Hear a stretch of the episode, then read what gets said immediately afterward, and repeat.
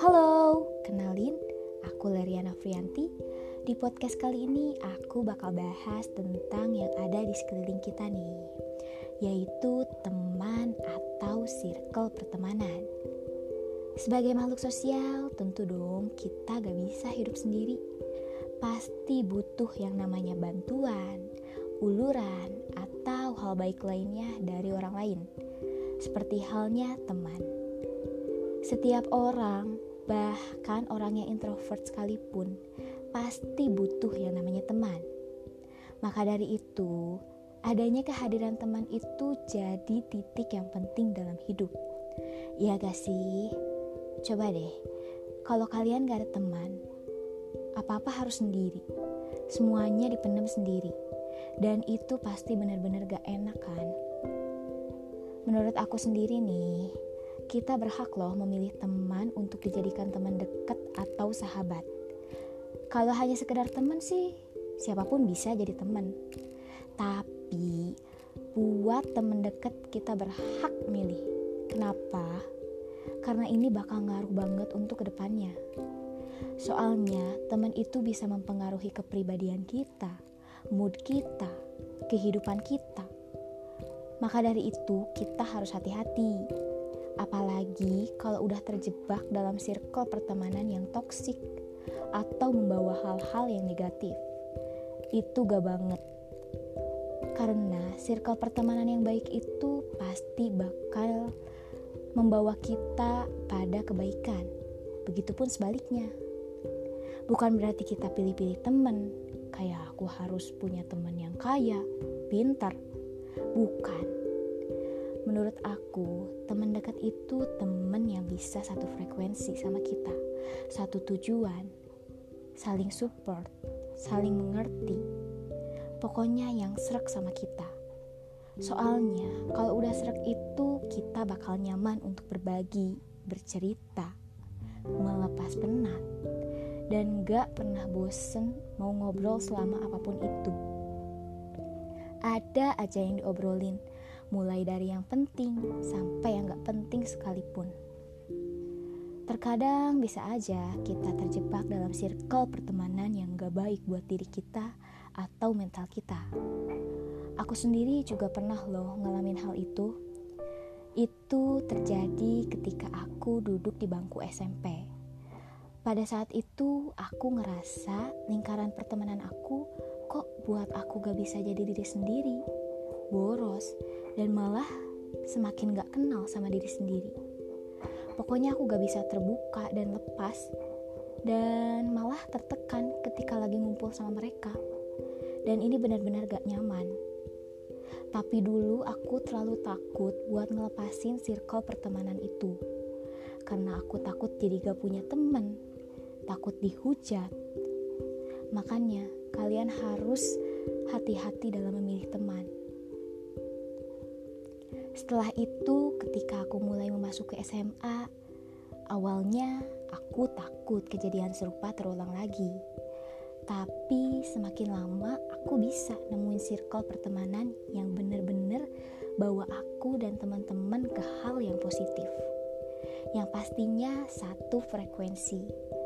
Dan tentunya mereka bisa nerima diri aku apa adanya. Mereka juga selalu support aku dan lepas aja kalau lagi sama mereka mau cerita apa pun itu kita juga selalu saling ngasih tahu kalau ada salah satu dari kita yang melakukan kesalahan dan saling memberi nasihat. Mereka juga bisa diajak susah, senang bersama. Pokoknya mereka bisa ngasih aku energi positif dan aku benar-benar bersyukur punya sahabat kayak mereka. Pada saat itu aku benar-benar baru ngerasain punya temen yang tulus sayang sama aku. Dan ketika masuk perkuliahan pun aku dikelilingi oleh teman-teman yang baik yang memberi aku energi positif, membawa aku ke hal yang positif. Pokoknya aku bersyukur. Oh iya, teman juga bisa loh membawa kita pada kesuksesan dan meraih mimpi kita. Kenapa? karena mereka pasti bakal nyemangatin kita supaya bisa benar-benar ngewujudin mimpi kita. Mereka pasti gak segan-segan buat nolong kita, meskipun kita sedang berada di titik terbawah dalam hidup. Prinsip mereka adalah berjuang bersama dan sukses bersama. Mereka juga bakal terus memotivasi kita supaya kita gak gampang nyerah. Jadi itulah salah satu alasan teman bisa mempengaruhi banget buat kehidupan kita. Nah, ada juga nih circle pertemanan yang toksik. Sebagian dari kalian pasti ada yang masih bingung. Pertemanan yang toksik itu kayak gimana sih? Menurut aku, pertemanan yang toksik itu seperti teman yang benar-benar egois dan mereka gak peduli sama kalian. Pokoknya mereka bisa ngelakuin apa pun terhadap kalian selama dia bisa ngambil keuntungan.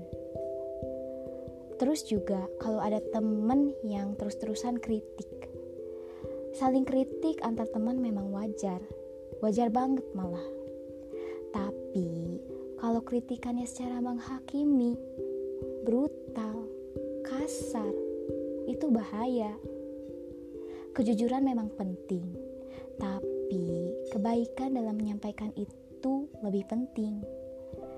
Kritikan ada untuk dijadikan pelajaran dan perbaikan, bukan malah bikin kalian jadi insecure, gak percaya diri, tertekan. Terus ada lagi nih, kalau ada temen yang selalu mempermasalahkan hal-hal yang seharusnya gak usah dipermasalahin. Pokoknya, segala sesuatu yang kalian lakuin tuh bakal dipermasalahin sama dia. Dan itu bener-bener bikin kalian capek berada di circle pertemanan yang kayak gitu. Ada lagi circle pertemanan yang bikin kalian jadi gak kenal sama diri sendiri. Biasanya sikap mereka yang menuntut kalian buat selalu bersikap dengan cara tertentu atau menyukai dan membicarakan hal tertentu yang bisa bikin kalian sering membohongi diri kalian sendiri. Kalian gak bisa berekspresi karena takut dihakimi atau kehilangan teman. Nah, ini nih hal yang aku alami tadi.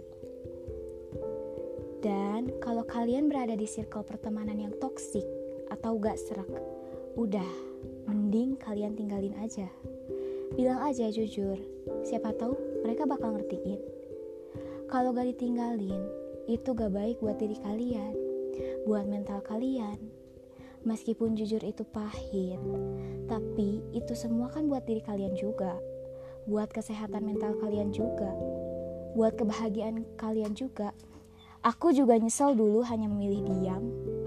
Dan ingat jangan sampai kita juga jadi toksik buat teman atau sahabat kita. Intinya sebisa mungkin kita kasih energi positif buat orang-orang di sekeliling kita. Nah, itu tadi tentang circle pertemanan. Segini dulu yang bisa aku sampaikan. Terima kasih buat yang sudah mendengarkan, dan bye.